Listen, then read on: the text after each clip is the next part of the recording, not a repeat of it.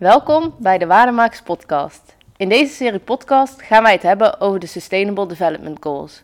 Om specifiek te zijn, gaan we het hebben over vier Sustainable Development Goals, waar wij binnen de Waardemakers extra aandacht aan geven. Namelijk klimaatactie, betaalbare en duurzame energie, duurzame steden en gemeenschappen en verantwoorde consumptie en productie.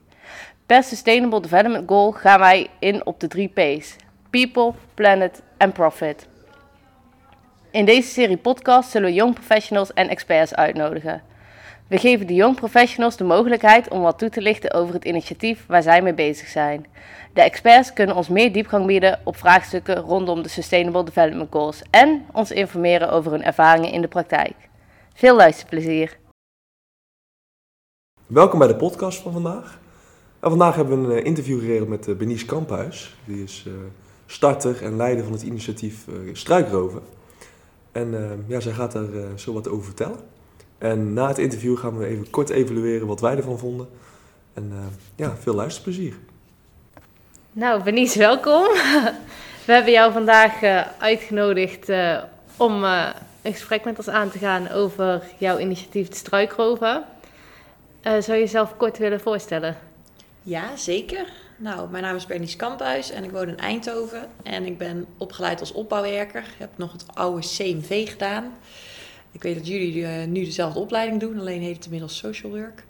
En uh, ik ben uh, inderdaad een struikrover en daarnaast ook actief in de energietransitie. En begeleid ik buurten om uh, nou, zelf eigenlijk hun eigen buurten te verduurzamen. En of dat nou met energie is of met groen, uh, het is super leuk om zelf het heft in eigen handen te nemen en uh, jezelf als buurt te organiseren. En daar help ik graag bij. Klinkt heel interessant. Wij hebben dit, uh, we zijn inderdaad bezig met de Sustainable Development Goals, wat we hadden uitgelegd van tevoren. En wij zijn nou bezig met het goal klimaatactie. En wij vonden dat het struikroof hier wel bij aansloot. En wij vroegen ons eigenlijk af, wanneer is jouw passie voor klimaatactie ontstaan? Ja, ik heb dat eigenlijk al sinds kind af aan uh, wel heel sterk gevoeld. Ik was ook uh, met een vriendinnetje op de basisschool een Greenpeace groepje begonnen. En waren we al allemaal groene acties aan het bedenken. Ik weet niet, ik heb me altijd als kind heel erg zorgen gemaakt over uh, de natuur en de milieu. En ik kon daar soms ook echt niet van slapen s'nachts. Dus het zit wel heel erg diep of zo, de zorgen erover. Maar dat ik er ook echt iets aan doe en dat ik ook denk van, ik heb ook de juiste achtergrond en de juiste mentaliteit om er iets aan te kunnen doen, dat is pas eigenlijk sinds een aantal jaren. Dat ik eigenlijk, uh, ik denk sinds dat ik, ik was toen zwanger van mijn, uh, van mijn dochter. En toen merkte ik dat ik me heel onveilig voelde bij ons in de straat. En toen ben ik een uh, burgerinitiatief begonnen om de straat veiliger te maken. Dus dat is niet per se klimaatactie of zo, maar dat was wel de eerste keer dat ik een buurtactie startte. En dat heeft toen zoveel energie gegeven en ook zoveel opgeleverd en daarna kwam eigenlijk ook de realisatie van dat je ook buurtacties kan houden, juist voor het vergroenen en de klimaatdoelstellingen te behalen. Dus het is, het is, ik denk dat het er altijd wel in heeft gezeten. Ja, en je zegt buurtacties en dingen met het klimaat. En zoals ik begrijp, is er ook het struikroven uit ontstaan. Nou moet ik zeggen, de eerste keer dat ik struikroven hoorde, vond ik het een beetje raar klinken. Dus kun je uitleggen wat het nou precies inhoudt, het struikroven? Ja, het struikroven. Uh, struikrovers redden planten van de sloop. Dus als er een, uh, een wijk wordt verduurzaamd, dus uh, wordt gerenoveerd of wordt gesloopt, omdat daar eigenlijk nieuwe duurzame huizen terug moeten komen, wordt er al best wel veel aandacht besteed aan het circulair maken van materialen.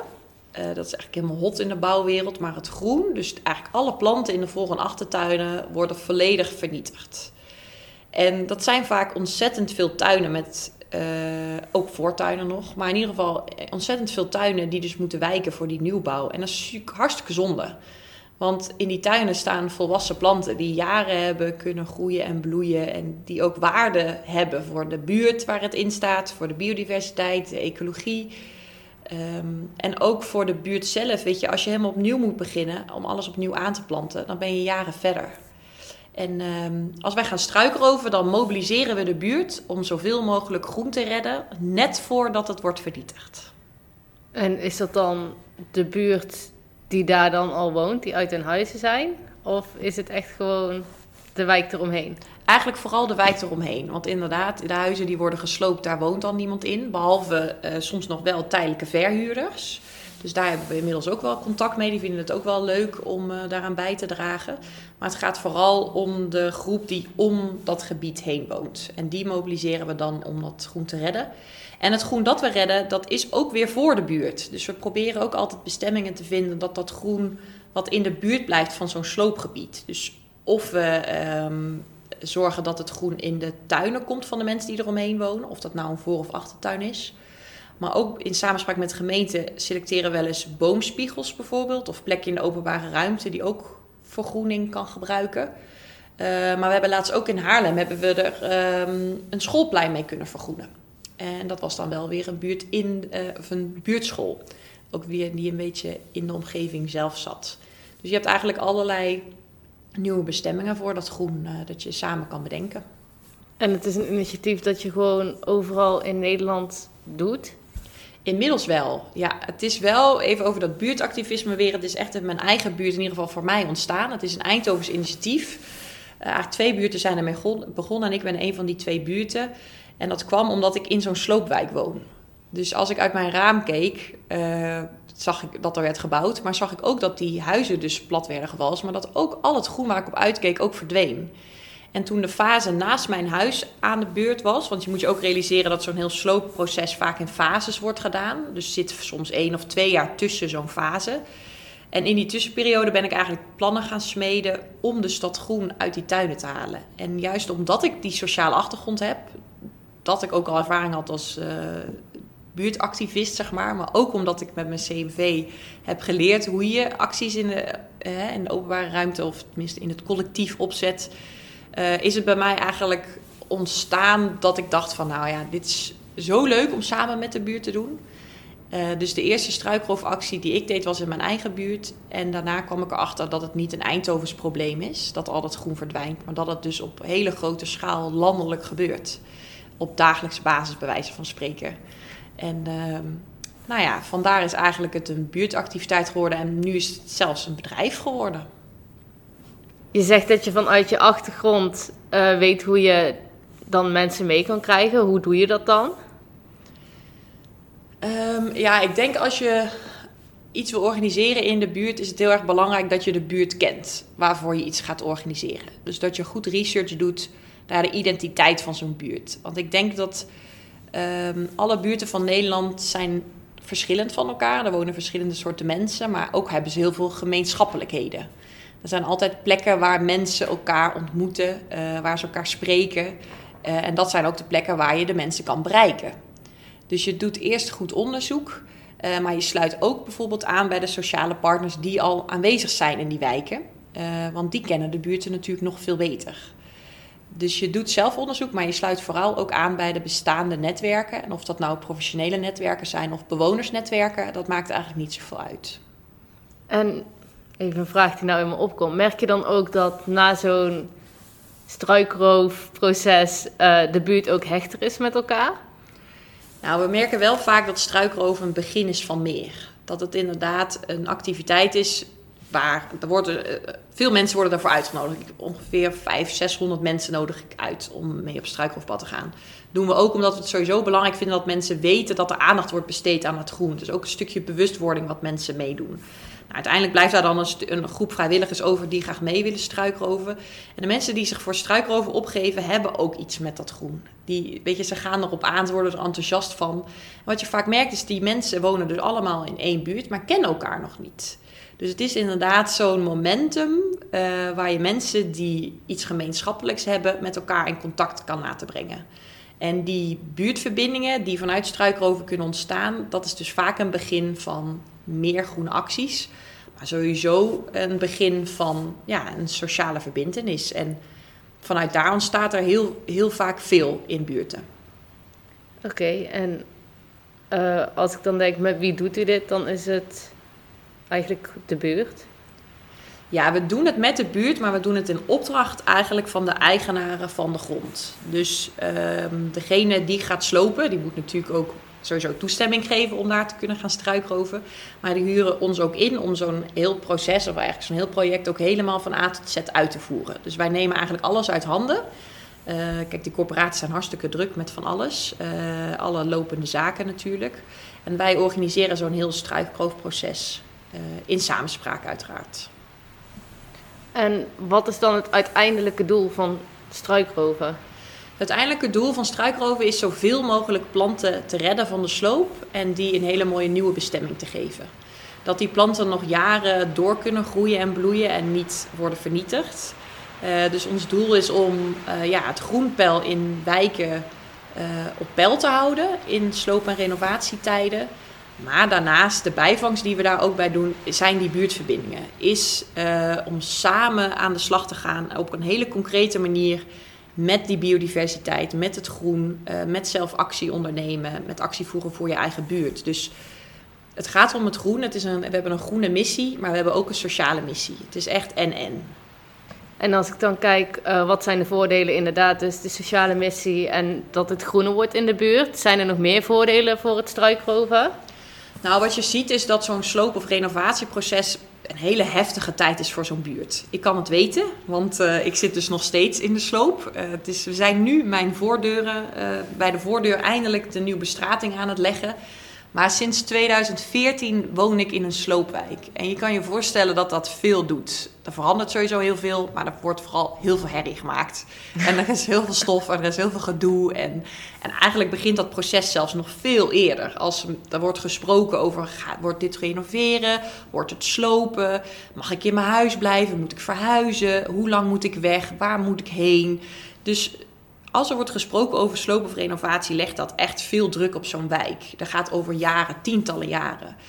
Um, en eigenlijk wordt de buurt niet op een positieve manier daarbij betrokken. Het gaat, zij moeten ook iets inleveren, zij moeten verhuizen of komen terug. Nou, uiteindelijk levert ze natuurlijk wel een hele mooie nieuwe buurt op. In ieder geval qua steen, qua groen dus niks. Maar goed, daar proberen wij dus iets aan te doen. De, de wijk wordt opgeknapt. Maar door te gaan struikroven betrek je ook de buurt op een positieve manier bij dit hele proces. Dus het is ook iets om terug te doen, maar ook om mensen er meer bij te betrekken. En we merken ook dat het sowieso een hele leuke activiteit is om te doen, omdat je op plekken mag komen waar je nooit mag komen. je kende de, de, huizen wel, maar je bent er nooit achter geweest. En dan mag je in al die tuinen rondstruinen en lopen. Dus het is, je bent op een soort verlaten plek en verlaten plekken zijn er niet meer in de wereld bijna. Dus het is ook ja, het is een grappige, leuke manier om betrokken te worden bij de sloop en renovatie.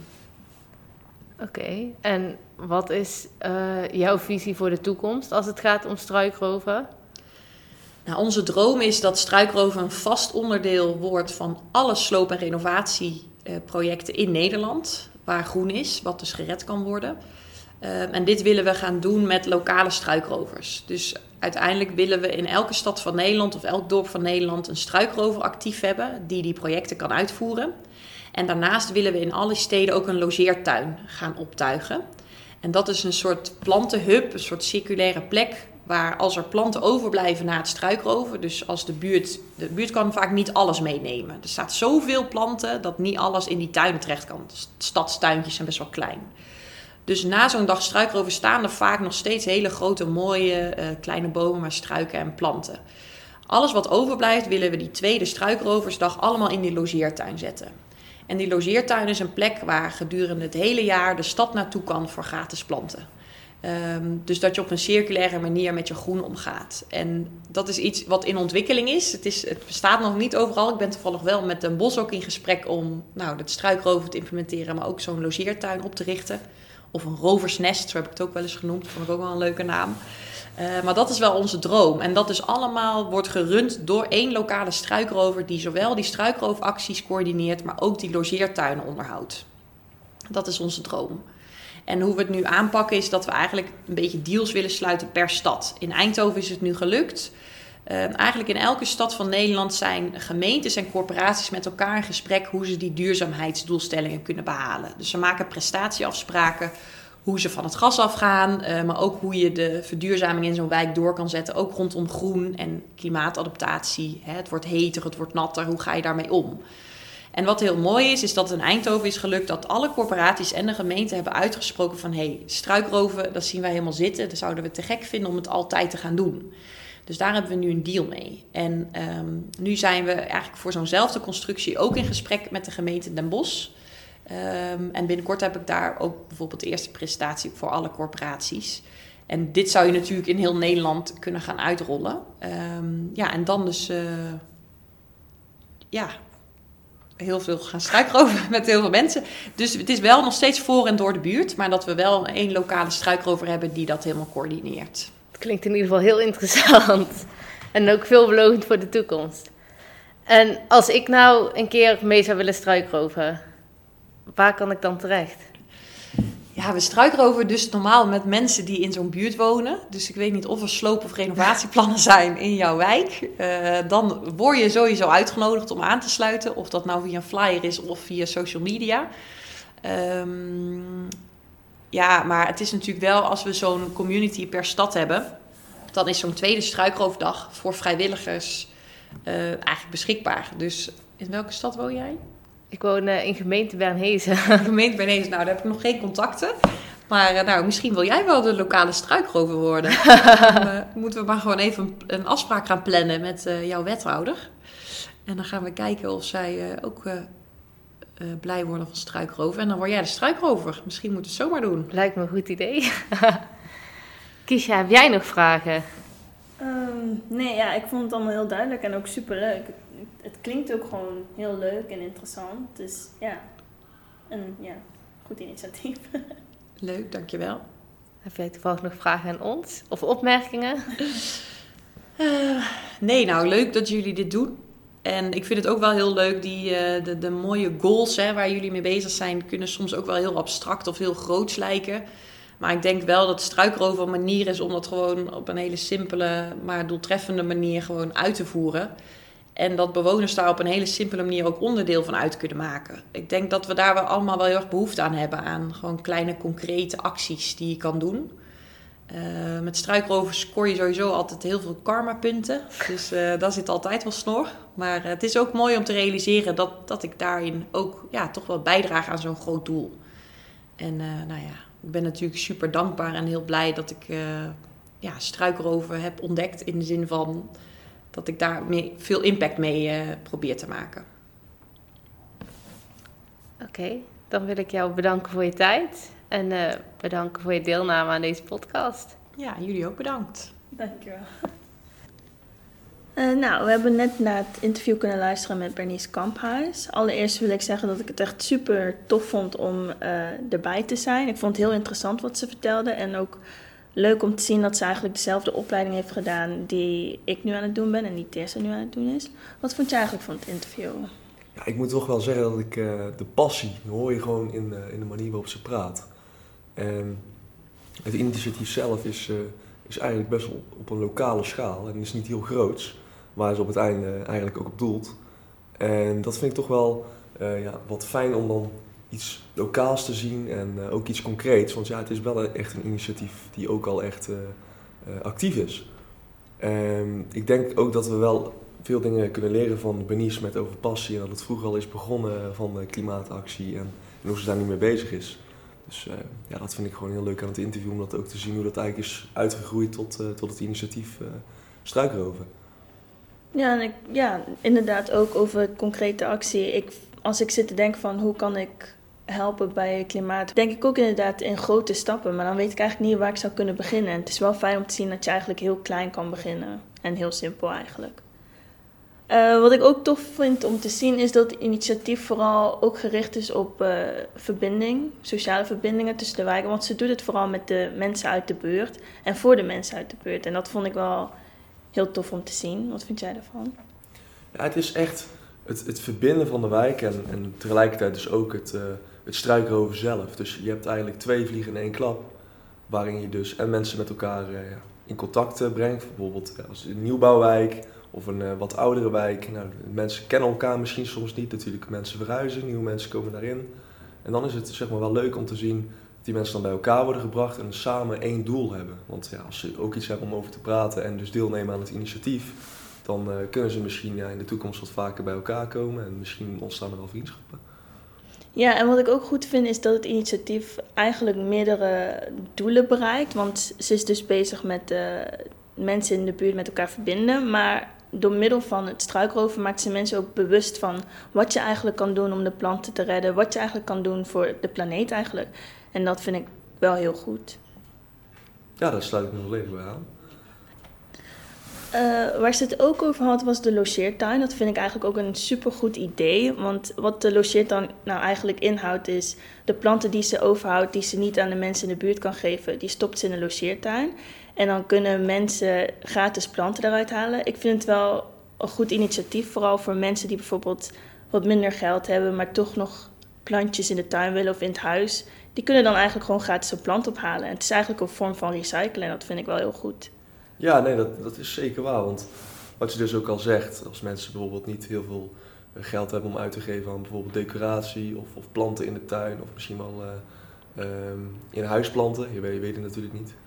Um, dan is het gewoon wel gaaf om te zien dat de planten een nieuw doel krijgen en dat ze niet zomaar weg worden gegooid, want het is natuurlijk ook zonde als die, uh, als die planten nog gewoon bruikbaar zijn. Um, ja, dat is een soort van recycling, plantcycling zou ik het noemen. Het is uh, ja, wel gewoon op in dat opzicht een heel goed initiatief inderdaad. Nou, ik wil jullie ontzettend bedanken voor het luisteren naar deze aflevering. En ik wil natuurlijk ook Bernice Kamphuis bedanken uh, voor het interview. Het was heel leuk en heel leerzaam. En het was echt mooi om te zien hoeveel passie ze ervoor had. Uh, bedankt voor het luisteren.